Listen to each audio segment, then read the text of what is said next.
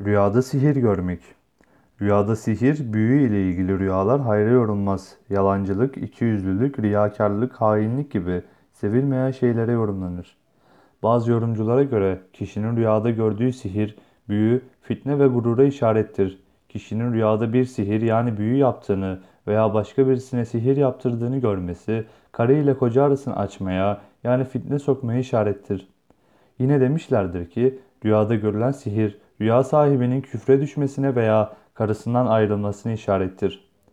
Rüyasında kendisinin sihirli yani büyülü olduğunu veya kendisine sihir yapıldığını gören kimse kendisi hakkında ortaya çıkacak fitne, hile ve zararı işarettir denilmiştir.